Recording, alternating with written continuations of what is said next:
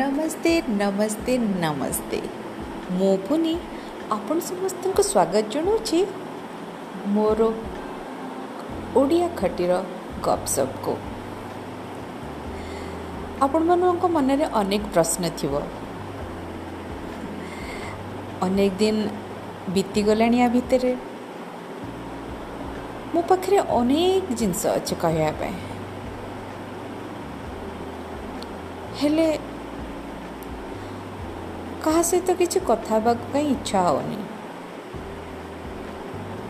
ହଠାତ୍ କିନା ଆଜି ସକାଳୁ ଉଠି ଦେଖିଲି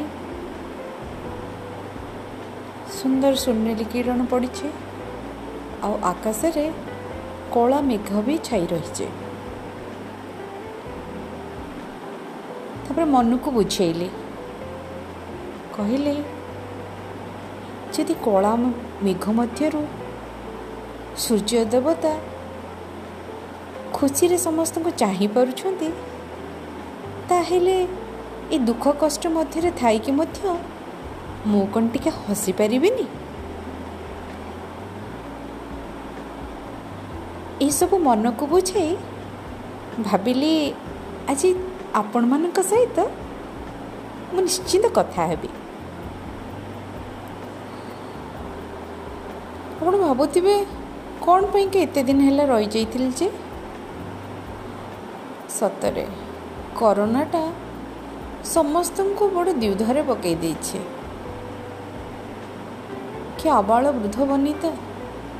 ସମସ୍ତେ ତାରି ଜନ୍ତା ଭିତରେ କବଳିତ ହେଉଛନ୍ତି। କୁନି କୁନି ପିଲାମାନେ ସ୍କୁଲ ଯାଇପାରୁନାହାନ୍ତି। ନିଜର ଘର ବାହାରକୁ ଯାଇକି ଖେଳି ବି ପାରୁନାହାନ୍ତି। ଚାରି କାନ୍ଥ ଭିତରେ ରହି ସେମାନେ ବି ଯେମିତି ଥକି ଗଲେଣି।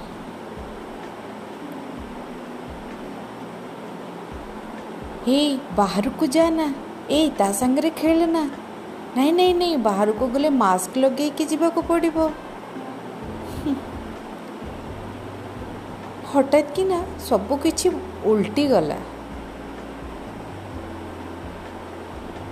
ଜଣା ନାହିଁ ପୁଣି କେବେ ସେଇ ପୁରୁଣା ଦିନ ଫେରି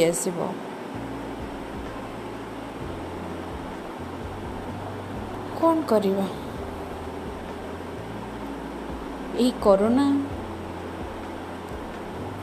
କେତେ ନିଜର ଲୋକଙ୍କୁ ଦୂରେଇ ଦେଇଛେ ବହୁତ କିଛି ଆରପାରିକୁ ଚାଲିଗଲେଣି ଆଉ ଯେଉଁମାନେ ବି ବଞ୍ଚିଛନ୍ତି ସେମାନେ ଯେମିତି ଜେଲ୍ ଭିତରେ ରହିକି ଜୀବନ କଟେଇଲା ପରି ଜୀବନ ବିତାଉଛନ୍ତି କାହା ଘରକୁ ନାହିଁ ବନ୍ଧୁବାନ୍ଧବ କାହା ଘରକୁ କେହି ଯିବାର ନାହିଁ। ରୋଗୀ ମଧ୍ୟ ନିଜ ହସ୍ପିଟାଲକୁ ଟିକେ ଯାଇ ଚିକିତ୍ସା ବି ହେବାକୁ ହେଇପାରୁନି। ମନ ଥିଲେ ଟିକେ ମନ୍ଦିର ଦ୍ୱାରକୁ ଯିବାକୁ ବି ହେଇପାରୁନି। ଯାହା ହେଉଛି କେବଳ ବଜାରକୁ ଯାଇକି ଏଇ ପନିପରିବା ଡାଲି ଚାଉଳ ଆଣିକି ପୁଣି ଘରେ ରାନ୍ଧି ଖାଇ ବାସ୍ ସେତିକି।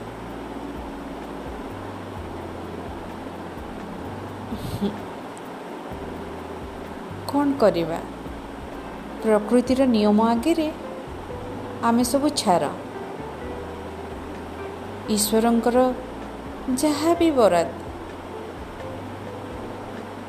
ସେ ସବୁକୁ ଆମେ ସମସ୍ତଙ୍କୁ ମାନି ନେବାକୁ ହିଁ ପଡ଼ୁଛି। ଏହା ଆଗରେ କାହାର ବି କିଛି ଜୋର ନାହିଁ। ହେଲେ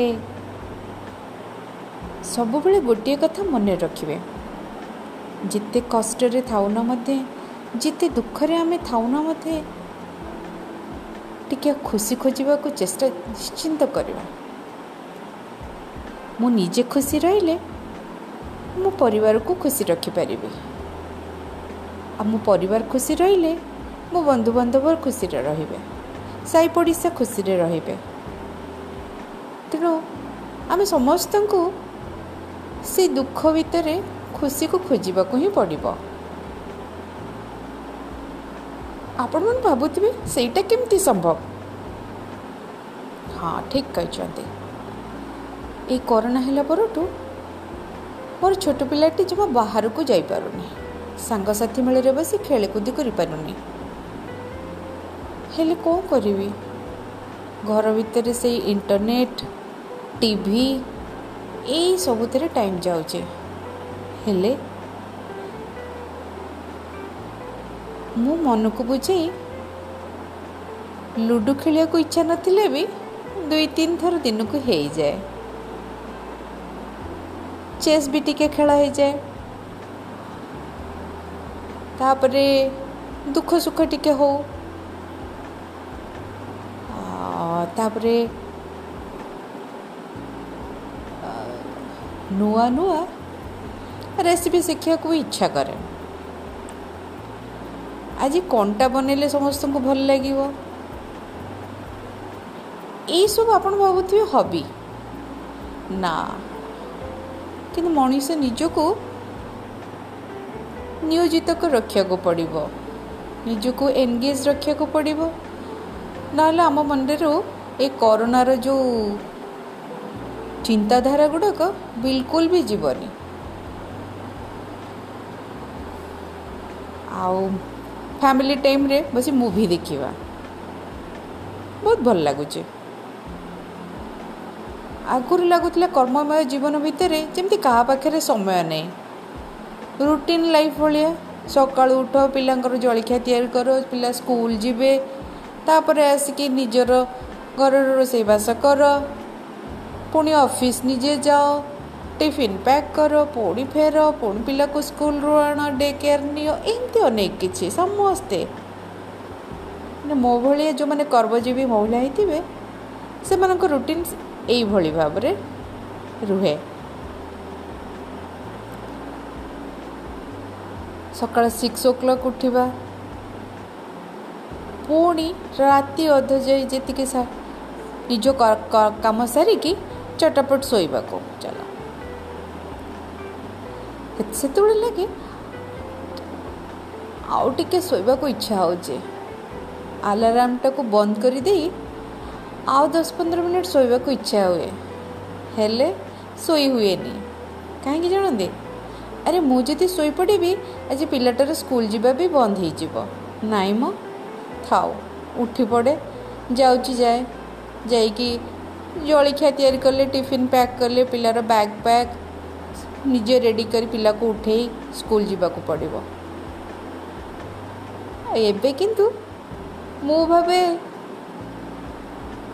କରୋନା ଯୋଗୁଁ ଗୋଟିଏ ସୁବିଧା ପିଲାଙ୍କ ସ୍କୁଲ ବନ୍ଦ ହେଇଯାଇଛି ପାଠପଢ଼ା ଯାହା ତା ମତରେ ହଉ ପଛେ ଅନଲାଇନ୍ରେ ଚାଲିଛି ମୁଁ ଟିକେ କିନ୍ତୁ ସକାଳେ ଡେରି ଯାଏଁ ଶୋଇପଡ଼ୁଛି ଆଲାର୍ମ ବାଜିଲା ପରେ ବି ବନ୍ଦ କରିକି ଶୋଇପଡ଼ୁଛି ଟିକେ ସେଇଥିରେ ମୋତେ ଖୁସି ମୁଁ ଖୁସି ଖୋଜୁଛି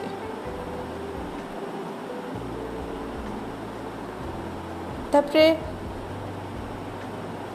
ଆଗ ଭଳିଆ ରୁଟିନ୍ ଲାଇଫ୍ ଫଲୋ କରୁନି। ବେଳେବେଳେ ମଧ୍ୟାହ୍ନ ଖାଇବାଟା ଦୁଇଟାରୁ ତିନିଟା ବି ବାଜିଯାଏ। ସମସ୍ତେ ଘରେ ତ ଅଛନ୍ତି। ଟିକେ ଡେରି ହେଲେ ଚଳିବ। ଭଲ ଲାଗେ।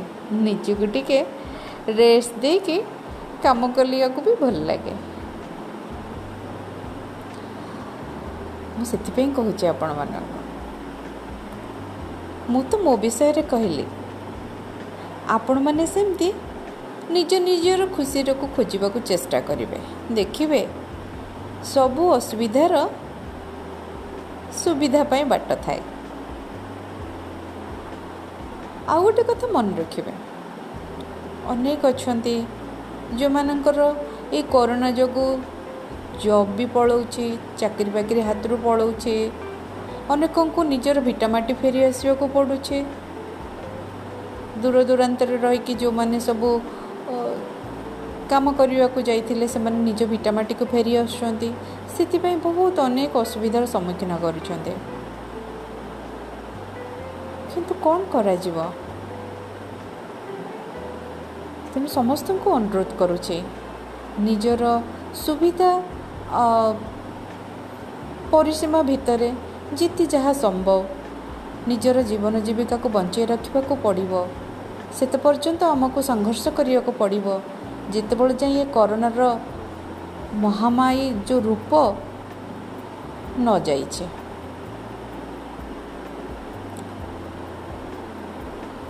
ତେଣୁ ଆମ ନିଜେ ନିଜକୁ ଖୁସି ରଖିବାକୁ ପଡ଼ିବ ସବୁ ପରିସ୍ଥିତିରେ। ସବୁବେଳେ ଦୁଃଖ ରହିଲେ କ'ଣ ସମସ୍ୟାର ସମାଧାନ ହେଇପାରିବ? ନା। ସେଇଟା ମୁଁ ଭାବେନି।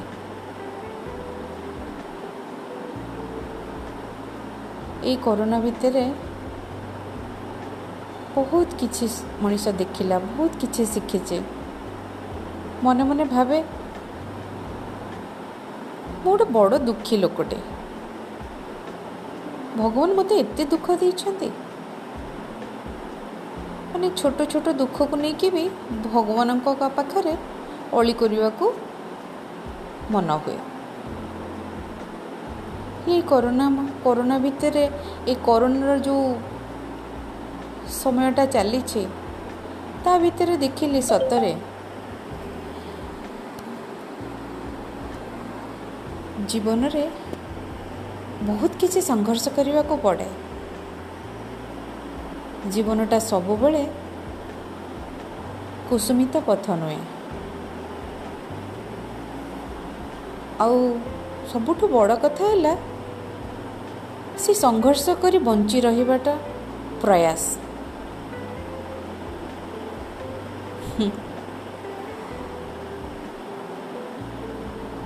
କରୋନା ମୋତେ ଶିଖାଇଛି ବିନା ପାୱାର ବ୍ୟାକଅପ୍ରେ କେମିତି ରୁହାଯାଇପାରେ ବିନା ୱାସିଂ ମେସିନ୍ରେ ବି ଜୀବନ ବିତେଇ ଯାଇପାରେ ବିନା ଫ୍ରିଜ୍ରେ ମଧ୍ୟ ରହିପାରିବା ଆମେ। ପ୍ରକୃତି ଆମକୁ ପୁଣି ସବୁକିଛି ଆଗ ଭଳିଆ ବଞ୍ଚିବାକୁ ଶିଖାଉଛି। ଯେ ବହୁତ ସୁବିଧା ସୁବିଧାରେ ରହିକି ମଧ୍ୟ ବହୁତ ପ୍ରୋବ୍ଲେମ୍ ବହୁତ ଅସୁବିଧା ବହୁତ କଷ୍ଟ କୁହନ୍ତି ସେମାନେ ସମସ୍ତେ ଏବେ ରିଏଲାଇଜ୍ କରୁଛନ୍ତି ନା ଜୀବନର କଷ୍ଟ ସେତେକା ନୁହେଁ। ଜୀବନର କଷ୍ଟ ଅନେକ ପ୍ରକାର ଭାବରେ ଥାଏ। ତେଣୁ ସେଥିପାଇଁ କହୁଛେ ନିଜର କଷ୍ଟ ନିଜର ଦୁଃଖକୁ ଅନ୍ୟମାନଙ୍କ ସହ ତୁଳନା କରି ଥରେ ଦେଖନ୍ତୁ। ଦେଖିବେ ଲାଗିବ ସେମାନଙ୍କ ଦୁଃଖ ତୁଳନାରେ ଆପଣଙ୍କର ଦୁଃଖ କିଛି ନୁହେଁ। ଈଶ୍ୱର ଆପଣଙ୍କୁ ବହୁତ ଭଲରେ ରଖିଛନ୍ତି। ମୋ ପାଖରେ ଫ୍ରିଜ୍ ଅଛି ମୁଁ ଆଜି ବହୁତ ଖୁସିରେ ଅଛି। ଯାହା ପାଖରେ ଫ୍ରିଜ୍ଟିଏ ନାହିଁ ସେ କ'ଣ ମଣିଷ ନୁହେଁ? ନା ସିଏ ପୃଥିବୀରେ ବଞ୍ଚି ନାହିଁ? ମୁଁ ଆଜି ଚାରିଓଳି ଖାଇବାକୁ ପାଉଛି। ହେଲେ ଏଇଠି ମଧ୍ୟ ଲୋକ ଅଛନ୍ତି। ଦୁଇ ଓଳି ଖାଇବା ବି ଠିକ୍ସେ ମିଳୁନି। ସେଥିରେ ମଧ୍ୟ ମୋର ଅନେକ ଅଳି ଅର୍ଦଳି ନା ଏବେ ଭାବିବାର ସମୟ ଆସିଛି ଆତ୍ମଚିନ୍ତନର ସମୟ ଆସିଛି। ଭଗବାନ ମୋତେ ବହୁତ ଭଲରେ ରଖିଛନ୍ତି। ସେ ପରମେଶ୍ୱର ପରମ ପରମାତ୍ମାଙ୍କୁ ଧନ୍ୟବାଦ ଦେବେ। ଆମ ସମସ୍ତଙ୍କୁ ଯିଏ ଯେଉଁଠି ସ୍ଥାନରେ ଯେଭଳି ଭାବରେ ଥାଆନ୍ତୁ ସବୁବେଳେ ଦେଖିବେ ଆପଣଙ୍କ ଠାରୁ ଆହୁରି କଷ୍ଟରେ ମଧ୍ୟ କେହି ଅଛି ଏ ପୃଥିବୀରେ। ଏଇ ଚିନ୍ତାଧାରା ଯଦି ମନରେ ରଖିବେ ଦେଖିବେ। ଆମର ସମୟ ଆଉ ସଂଘର୍ଷର ଯେଉଁ ଚଲାପଥ ନିଶ୍ଚିନ୍ତ ଭାବରେ ସରଳ ହୋଇଯିବ। ଆମେ ନିଜକୁ ନିଜେ ଖୁସି ଦେଖିପାରିବା। ଦୁଃଖ ତ ଆସିବ ସମସ୍ତଙ୍କ ଜୀବନରେ ସୁଖ ଆଉ ଦୁଃଖ ନିଶ୍ଚିନ୍ତ ଆସିବ। ହେଲେ ସେଇ ସୁଖ ଦୁଃଖର ଜୀବନଟାକୁ ସରଳ ଭାବରେ ଚଲେଇ ନେବା ପାଇଁକା ଆମେ ନିଶ୍ଚିନ୍ତ ଚେଷ୍ଟା କରିବା। ଆଉ କ'ଣ କହିବି? ଆଜି ସକାଳୁ ଭାବିଥିଲି ଏଇସବୁ ଆପଣମାନଙ୍କ ସାମ୍ନାରେ ଆଜି କଥା ହେବି। ଏସବୁ ତ ମୁଁ କହିଲି। ଭାବୁଛି ଆପଣମାନଙ୍କୁ ବି ଭଲ ଲାଗିବ। ଆଉ ଆପଣମାନେ ବି ଏମିତି ମୋ ଭଳି ଅନେକ କିଛି କରୋନା ସମୟରେ ଶିଖିଥିବେ ଜାଣିଥିବେ ଆଉ ଦେଖିଥିବେ। ହଉ ଠିକ୍ ଅଛି। ଆଜି ପାଇଁ ତ ଏତିକି। ପୁଣି ଆଉ ଏକ ନୂଆ ଏପିସୋଡ଼ରେ ଆଉ କିଛି ଭଲ କଥା ନେଇକି ମୁଁ ପୁଣି ଆପଣମାନଙ୍କ ସହିତ ଆସିବି ସେ ପର୍ଯ୍ୟନ୍ତ ଆପଣଙ୍କ ଠାରୁ ବିଦାୟ ନେଉଛି ନମସ୍କାର